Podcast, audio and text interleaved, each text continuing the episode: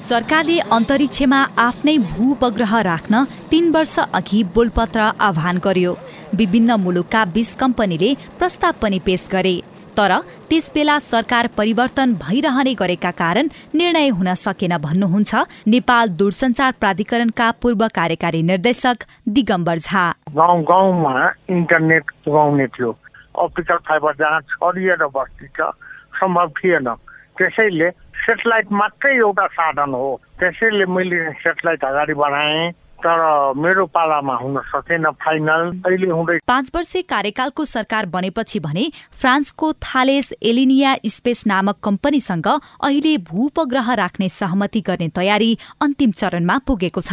प्रधानमन्त्रीको युरोप भ्रमणका बेलामा भू उपग्रह राख्ने बारेमा हुन लागेको सहमति बारे सीआईएनसँग कुरा गर्दै संचार तथा सूचना प्रविधि मन्त्री गोकुल बास्कोटा। प्राविधिक विषय हो। जहाँ हाम्रो नलेज छैन जहाँ हामीसित टेक्नोलोजी छैन र हामीसित पर्याप्त पुँजी पनि छैन। त्यसो भएको हुनाले यो तिनवटा कुराको निम्ति हामीले फ्रान्सबाट अपेक्षा राखेका छौँ र उहाँहरूले सकारात्मक कुरा गर्नुभएको छ। छलफल हुन्छ भन्ने हामी अनुमान गर्न सक्छौँ। अहिले नेपालले भाडामा लिएको भूपग्रह करिब छ सय मेगाहर्ज ब्यान्ड विथको छ र आवश्यक ब्यान्ड विथ चौध सय मेगाहर्ज पर्छ।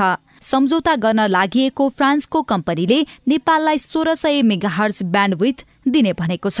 यसबाट व्यावसायिक रूपमा अघि बढ्न सजिलो हुने बताउँदै नेपाल विज्ञान तथा प्रविधि प्रज्ञा प्रतिष्ठान नास्टका प्रवक्ता सुरेश कुमार ढुङ्गेल।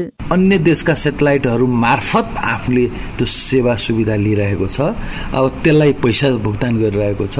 त्यो भुक्तान गर्ने पैसा देशभित्रै रहन्छ र त्यो सेटेलाइट यदि हाम्रो आफ्नो हुने हो भने व्यावसायिक रूपमा हामीलाई केही अरब रुपियाँ सम्भवतः त्यसले फाइदा गराउँछ नाफा गराउँछ। भूपग्रह मार्फत दूरसञ्चार सेवा शुरू भएपछि विदेशी कम्पनीको ब्यान्डविथ प्रयोग गरे बापत हाल वार्षिक रूपमा बाहिरिरहेको बाह्र अर्ब रुपियाँ जोगिनेछ। मुलुकभर कतैबाट नाकाबन्दी भएमा पनि देशी विदेशी शक्तिसँगको सम्पर्क विच्छेद हुने छैन। नेपालको आफ्नै स्याटेलाइट हुँदाका थप फाइदाका बारेमा बताउँदै स्याटेलाइट विज्ञ वीरेन्द्र प्रधान।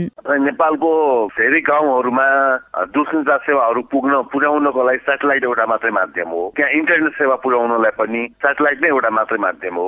काठमाडौँको युनिभर्सिटीमा एक्सपर्ट लेक्चरर प्रोफेसरले लेक्चर दिन्छ। देशभरिको विकट गाउँ विद्यालय कलेज क्याम्पसहरूमा विद्यार्थीहरूले हेर्न सक्छन् टेलिभिजन स्क्रिनमा दुई हजार त्रिहत्तर पुस उन्नाइस गते सूचना तथा संचार प्रविधि मन्त्रालयलाई आफ्नै स्याटेलाइट प्रयोग गर्न भन्दै भारतले पत्र पठाएको थियो।